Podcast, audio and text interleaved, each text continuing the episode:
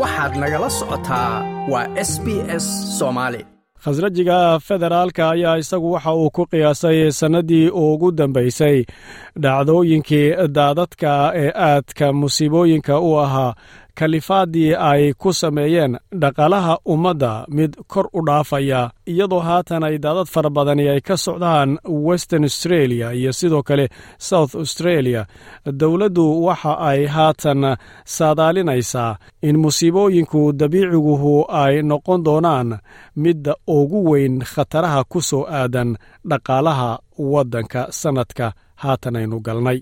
deegaanka lismor gudihiisa ganacsiga kuwa waaweyn iyo kuwa yaryarkaaba ayay iyagu u hakisnaayeen shaqala'aana ay uga jirtay sababa la xidhiidha dhibaatooyinkii musiibooyinkii daadadka jim jalmas khasnajiga federaalka ayaa isagu waxa uu booqasho ku tegay jamcadiina dhaaftay goobahaasi qayb ka mid a. Waxa uu sheegay dhacdooyinkii sannadiina dhaaftay weli waxa ay tahay mid saamayn weyn ku yeelanaysa mustaqbalka astreeliya wuxuuna yidhi isagoo hadlaya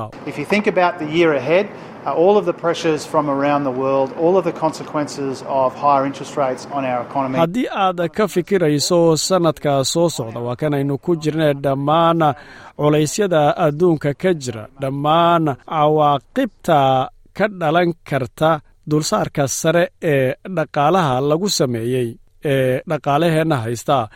balse buu yidhi mid ka mida saamaynta ugu weyne ugu muhiimsan ee dhanka dhaqaalaheenna iyo bulshadeennaba ku aadan waxa ay tahay sida aynu uga jawaabno dhibaatooyinka dabiiciga ah ee iyagu markaasi jira iyo sida aynu markaasi u qaabayno bulshadeenna ogana dhigno mid adkaysi badan. Baaxadda saamaynta ayaa iyadu haatan sii caddaanaysa iyadoo hay'adda xaaladaha degdega ah ee qaranka ee cusub ay tiri waxaa jira afartan iyo lix xaaladood oo musiibooyin dabiiciga ah oo lagu dhawaaqay kana dhacay sannadiina dhaaftay waddanka austreeliya saddex meelood in ka badan labo dadka australiyaanka ee ku nool dowlad goboleedyada dhexdeeda waxa ay wajaheen dhibaatooyinkaasi dabiiciga ah ugu yaraan hal mar sannadkiina dhaaftay kadibna waxaa halkaasi ka bilaabatay saamaynta dhaqaalaha. Dowladda federaalka ayaa waxa ay ku bixisay saddex dhibic shan bilyan oo iyadu ay ahayd kuwii dadka iyagu dhibaatadaasi ay ku dhacday la siiyey shakhsi ahaaneed iyadoo master jalmas oo isagu yidhi khasnadda waddanka austreeliya waxa ay ku qiyaastay dhibaatada iyo kalifaadda dhanka dhaqaalaha ah ee dhacdooyinkaasi ka soo gaadhay gaar ahaan kuwa dabiiciga ah ee daadadka ah kuwa kor u dhaafaya shan bilyan. Isagoo hadlayana waxa uu yidhi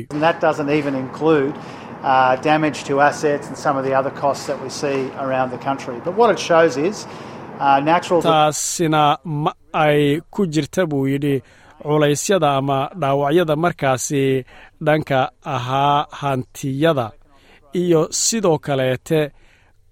kharashaadka kaleete ee daafaha austreeliya markaasi ka jiray balse waxa ay tani tusayso waa dhibaatooyinka dabiiciguhu in ay yihiin khatar aad u weyn oo ku wajahan dhaqaalaheenna. Waana mid ka mid a khataraha ugu waaweyn ee iyagu haatan saamaynaya nolosheenna waa markay taasi timaaddo arrimaha ku saabsan dhibaatooyinka sicir bararka. Waa markay timaaddo barwaaqada dhanka dhaqaalaheenna horukiciisa ee labada kun iyo labaatan iyo saddexda. Labiyo toban bilood kadib afar iyo toban dhibic afar mitir oo biyaha ahaa oo iyagu markaasi lismoor iyo eryadeeda ka dhacay dhaqaalihii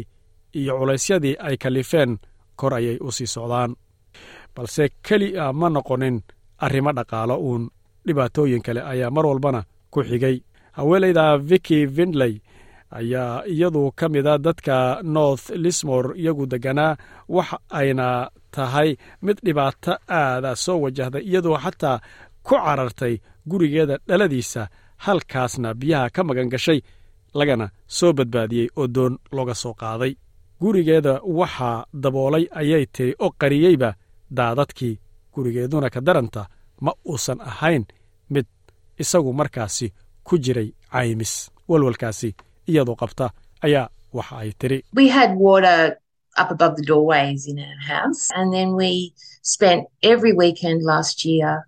um, um,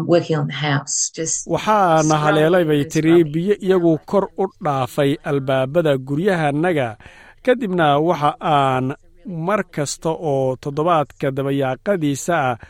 sannadkiina dhaafay wakhti kasta oo aanan shaqaynaynin waxaan ka shaqayn jirnay oo keliya guryahannaga keliya in aanu nadiifinno oonu nadiifinno haatan waxaan ka dhaawacmay seedaha gacmahayga. Markii aan tegay isbitaalka gacmahana waxaa la ii sheegay bay tidhi in dhab ahaantii waxaan igu dhacay ee dhaawacuhu uu yahay mid ku wada dhacay dadka iyagu wajaheen daadadkaasi. Haatan bulshada iyadana qaybaha kaleete ku nool austreeliya waxa ay wajahaysaa sidoo kaleete khataraha noocaas oo kalea wasiirka maaraynta musiibooyinka mary wat ayaa waxa uu sheegay in jamcadii la howlgeliyey lacagihii la bixinayey oo iyaguna dheeraada oo western australia goobta debri west layidhaahda ee kimberley ku taalla loo ansixiyey. Isagoo wasiirku hadlaya oo hadalkiisa wata waxa uu yidhi taasina waxa ay qaadanaysaa townka fitzroy crossing oo iyadu dhab ahaantii matalaysa buu yidhi xudunta dhibaatooyinkii daadadka ee kimberley ka dhacay. Lacagahaasi la bixiyey waxa ay ahayd tii la bixiyey kun dollar oo markaa la siiyey qof kasta oo isagu xaq u lahaa oo qaangaadh ahaa iyo afar boqol oo la siiyey qof kasta oo xaq u lahaa oo ilmo ahaa amaba da'yaraa taasina waxa ay ku sii siyaadad tahay lacagihii horay loo bixiyey ee lagu dhawaaqay ee lagaga dhawaaqay tiro fara badan oo kansallada ku yaalla kimberley ahaa waxaa jira calaamado sheegaya in dhibaatooyinkii sannadkii ugu dambeeyey ku dhuftay dhaqaalaha waddanka australia in ay suurtagal tahay sheegaya inay haddana soo laalaabtaan. Tobannaan kun oo western australia xoolaheedii noolaa ahaa ayaa iyagu laga baqayaa amaba lagu wadaa inay iyagu markaasi bakhtiyeen iyadoo daadadkaasi dhibaatada ay keeneen ay ka mid tahay dadka iyagu xoolahaasi dhaqda ayaa waxa ay sheegeen in ay tahay tan middii ay ku qaadan doonto sannado sidii ay oga soo kaban lahaayeen. Like aas la wadaag wax ka dheh lana soco barta facebooka ee sb s soomaali